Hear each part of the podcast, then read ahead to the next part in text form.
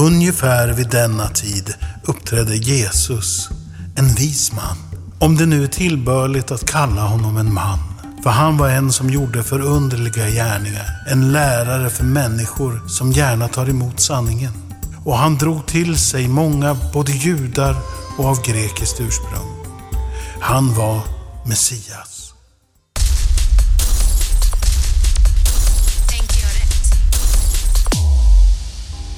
Hej och hjärtligt välkomna till Tänker jag rätt-poddens fjärde avsnitt. En podd där jag försöker tänka mer rationellt och där jag behöver din hjälp i kommentarer att styra mig åt rätt håll. Kommentera gör man bäst på avsnittet på YouTube eller om man stöttar mig på Patreon. Tänker jag rätt? I introt fick vi höra en snutt från eh, Testimonium Flavianum. Det var alltså den eh, judiske historikern Josefus Flavius eh, som ska ha skrivit om Jesus där.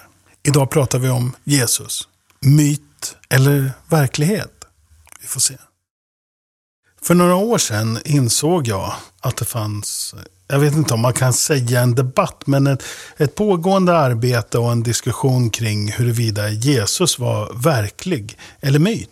Jag hade hört människor säga, eh, jag tror att det var en person, en vis man och, och liknande. Jag har nog sagt det själv. Det var innan jag brydde mig om huruvida saker korrelerade med verkligheten eller inte i samma utsträckning som idag.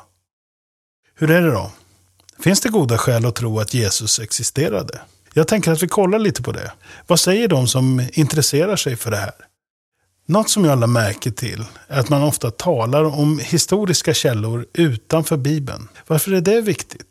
Jag tänker så här. Det nya testamentet, som är en del av Bibeln, skriver om en person som föds av en oskuld, är anledningen till att Herodes dödar alla nyfödda pojkar, extra smart som barn, väcker upp Lazarus från de döda, driver ut demoner, blir korsfäst, dör i någon och en halv dag, återuppstår från de döda och far efter en tid upp i himlen och är nu offret som ger människan möjlighet att bli frälst och komma riktigt nära Gud. Det där är inte bara en vis man som traskar runt och hade lite följare. Det ska vara Guds son. Bibeln då? Bibeln är inte beviset. Det är påståendet. Allt övernaturligt, magiskt och exceptionellt i berättelsen är påståendet, inte beviset. Frågan är, varför ska jag lita på det Bibeln säger? Vad är skälen att tro på berättelsen? Behöver vi söka utanför Bibeln? Behövs det inte fler källor som pekar i samma riktning? Mängden övernaturliga och icke falsifierbara påståenden i Bibeln gör att värdet rent historiskt torde bli ganska lågt. Men vi har tur. Det finns några ställen där kristna apologeter och teologer menar att vi kan hitta bevis för Jesus existens utanför Bibeln. Sidan apologia.se listar ett antal utombibliska källor som man menar styrker att Jesus var en verklig person. Apologia menar att apologetik handlar om att förklara och försvara kristen tro. Vi kollar på några av dem som de listar i ett dokument som man har publicerat med anledning av en debattartikel i Aftonbladet där en Roger Wiklund, vilken man är extra noga med att kalla för amatörhistoriker, menar att Jesus aldrig existerat. Genom att kalla Roger Wiklund för amatörhistoriker så försöker man ju diskreditera honom. Men precis som ett eh, argument från auktoritet så spelar inte personen någon roll. Vad visar datan? Vilka slutsatser kan vi dra? Okej, häng med. Nu kommer ett gäng gubbar här. Josefus, han levde mellan eh, 37, alltså år 37 och 100 efter Kristus. Han nämner i förbifarten Jesus som kallas Kristus på ett ställe där han nämner en eh, avrättning av en Jakob, bror till Jesus. Där kan man tänka, yes, bara existerande människor har bröder. Eller?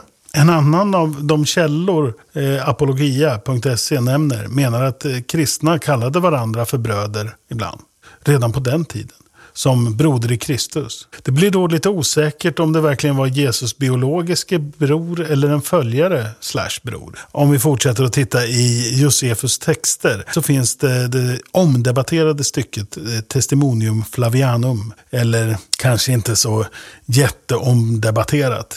Inom historiekretsar anses det här stycket till stor del vara en förfalskning. av flitiga kristna fingrar. Anledningen är bland annat att Josefus, en judisk historiker, skulle ha kallat Jesus för Messias. Att stycket med Jesus inte passar in där det sitter.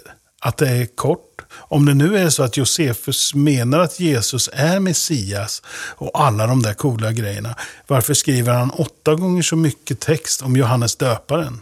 Kanske hela den där Messias-grejen inte var så cool i alla fall. Inte lika coolt som vuxendop ändå. Det är ju ändå åtta gånger så coolt. Väl. Jag läser texten här. Testimonium Flavianum. Ungefär vid denna tid uppträdde Jesus, en vis man.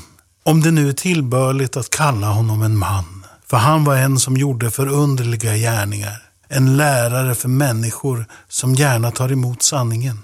Och han drog till sig många, både judar och av grekiskt ursprung. Han var Messias.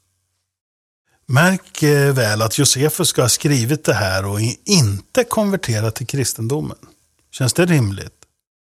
Det fortsätter. Och när Pilatus på grund av en anklagelse från våra ledande män dömde honom till korset upphörde inte det som först hade älskat honom att göra det. Ty han visade sig för dem på den tredje dagen levande igen. Just som de gudomliga profeterna hade förutsagt dessa och tiotusen andra underbara ting om honom. Och ända till nu har det kristna stam, uppkallad efter honom, inte dött ut. Som sagt, eh, Josefus ska inte ha varit kristen och inte blivit kristen. Men något säger mig att texten skrevs av en troende kristen. Och frasen tiotusen andra underbara ting får mig att tänka att det är en överdrift i antal. Men å andra sidan kan berättarstilen för dåtidens historiker kanske skilt sig lite från idag. Stycket innan handlar om hur Pilatus fixar in vatten i någon form av akvedukt. Men att det landar i bråk och elände när tiotusentals människor ska protestera och han skickar soldater med knivar under sina särkar. Det blev ett blodbad. Sen kommer Jesus-grejen. Nice, någonting positivt. Messias återuppståndelse och 10 000 andra underbara ting. Positivt skulle vi säga. Du och jag, tänker jag. Hell yeah. Överleva döden. Det är stort. Hur börjar stycket efter det här då? Jo, något i stil med ungefär samtidigt satte också en annan sorglig olycka. En annan sorglig olycka. Som i stycket innan. Hade det kommit direkt efter blodbadet så hade det varit förståeligt. Och även om Josefus Flavius verkligen skrev det här 93 efter Kristus, betyder det att det är sant? Han föddes efter det att Jesus skulle ha korsfästs. Och så fort vi pratar om döda som återuppstår, eller något annat som inte händer i verkligheten, ja, då krävs det mer bevis. Jag citerar Carl Sagan. Extraordinära påståenden kräver extraordinär evidens om jag, för att uttrycka det milt, även väger in att det finns olika åsikter om huruvida det är en förfalskning i Testimonium Flavianum, så ser jag det inte som rimligt att tro på Jesus faktiska existens baserat på Josefus. Nåväl, jag behöver inte hänga kvar här så länge. Historiker har till övervägande del enats om att det kan ha förekommit något om Jesus, men att magi, återuppståndelse och annat övernaturligt tas bort.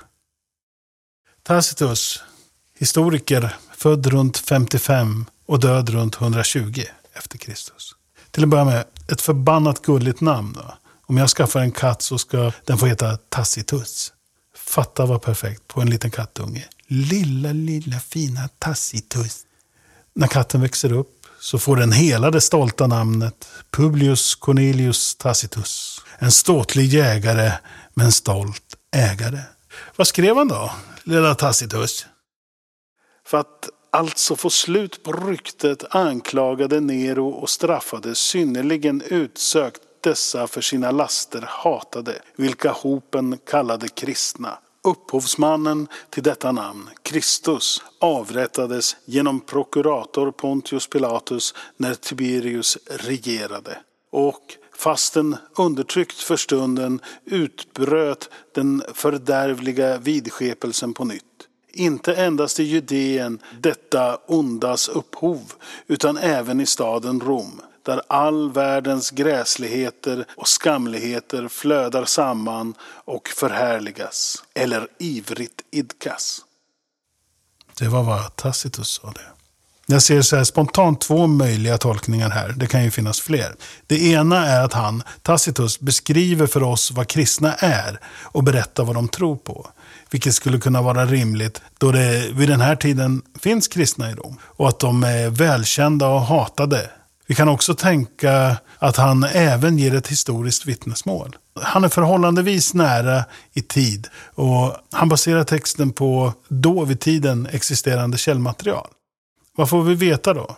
Att en person som kallas Kristus har blivit avrättad under Pontus Pilatus och att de kristna har fått sitt namn från honom. Det verkar dock inte som om det är brukligt att använda sig av källhänvisningar på den tiden. Vilket för oss tillbaka till frågan om man bara återger vad de kristna tror och tycker att det låter rimligt. Typ, de säger att vi romare har avrättat denna Kristus. Mm, det låter rimligt. Vi kör på det. Men vad säger historiker? Är det rimligt att tro att Tacitus återger historiska händelser eller att han återger det kristna narrativet? Bart Ehrman, amerikansk historiker med expertis på Nya Testamentet, han säger It should be clear in any event that Tacitus is basing his comment about Jesus on hearsay rather than, say, detailed historical research. Dr. Ehrman menar alltså här att det inte rör sig om en detaljerad historisk research. Bland annat pekar Dr. Ehrman på att Tacitus ger Pilatus titeln som prokurator. Men vi vet idag att han hade titeln prefekt, vilket är en helt annan arbetsbeskrivning, ett helt annat jobb. Ehrman eh, menar att det är ett av skälen att vi inte tänker oss att Tacitus har gjort en djuplodande historisk undersökning. Några till som är inne på samma spår är bland annat professor Richard Thomas France. The brief notice in Tacitus Annals romerska siffror XV 1544 mentions only his title, Christus, and his execution in Judea by order of Pontius Pilatus. Nor is there any reason to believe that Tacitus bases this on independent information. It is what Christians would be saying in Rome in the early second century. Professor Franz verkar mena att eh, Tacitus baserar informationen om Kristus på hörsägen från kristna i Rom.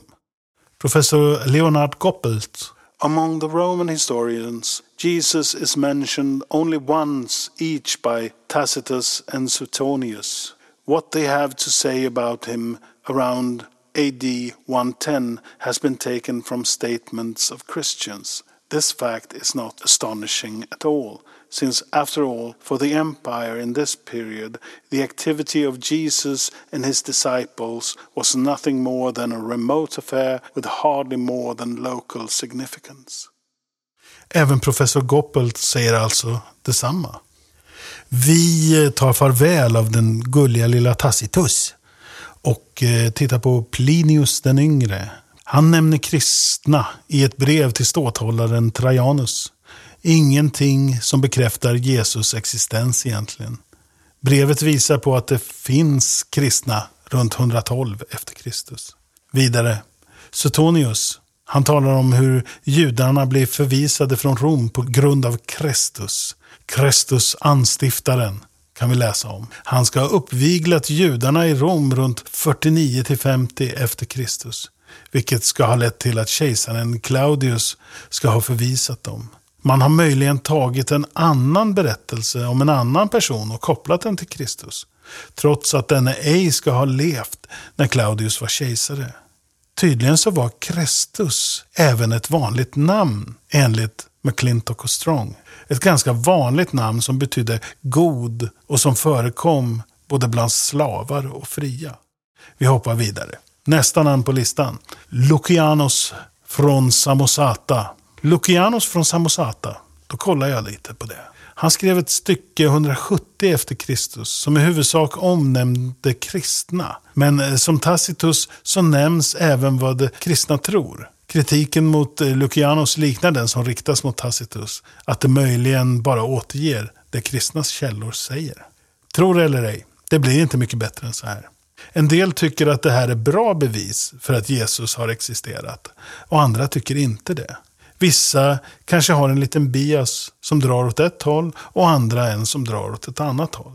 Men vad är rimligt att tro? Är det rimligt att tro att Jesus fanns på riktigt, baserat på utombibliska berättelser? Så här tänker jag.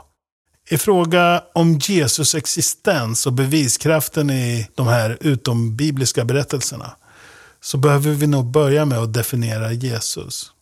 Vem är personen Jesus som man försöker bevisa existensen av? Om det är en person som eventuellt blir korsfäst, kallades Kristus och levde och dog när Tiberius var kejsare och att kristna trodde att han var mer än en människa, ja då kanske de här dokumenten i någon grad styrker en sådan existens. Men jag tror inte att det är den Jesus som man från exempelvis apologia.se försöker förklara och försvara. Låt oss kalla honom den torftiga, tråkiga, vise läraren Jesus jämfört med vad han skulle kunna vara och hur Bibeln beskriver honom. Så är kanske inte torftig och tråkig ett dumt namn på den här varianten. Det här är ju kanske den varianten som de ogudaktiga kan gå med på att han eventuellt existerade. Alltså en vis man som går runt. Det är inte Jesus, alltså den Jesus som avses när man talar om Jesus. Då avser man ju den här superduper-Jesus, född av en oskuld som befruktats av en helig ande, uppväckande av döda, helande av lama, Guds son som återuppstår och frälser världen Jesus. Det som presenteras i de utombibliska texterna är väldigt, väldigt långt därifrån. Förutom då i den uppenbara förfalskningen i Testimonium Flavianum. Att texter utanför Bibeln innehåller sånt som stämmer överens med vissa delar av berättelsen. Vissa rimliga delar av berättelsen. Personer, platser och verkliga händelser. Såsom korsfästelser och solförmörkelser. Gör inte att Bibelns berättelser per automatik blir sanna. En parallell som dras ibland är att New York finns. Men det betyder inte att Peter Parker verkligen blev biten av en spindel och blev Spindelmannen i slutändan landar jag nog i att jag inte blir så jätteimponerad av eh, om det levde någon torftig Jesus, helt utan superkrafter, i Judeen för 2000 år sedan. Om någon ska bevisa något så är det superduper-Jesus.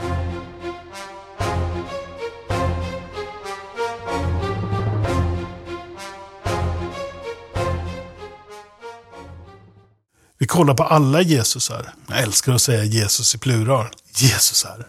Är det rimligt att tro att eh, det vid den här tiden fanns en person som hette Jeshua? Ja, det är väldigt rimligt. Populärt namn efter profeten som vi säger Jesaja eller Joshua. Är det rimligt att tro att det fanns en Jeshua som gick runt och predikade? Ja, ganska rimligt. Vad jag har förstått så var det ganska poppis att gå runt och predika och mycket domedagsfolk i omlopp.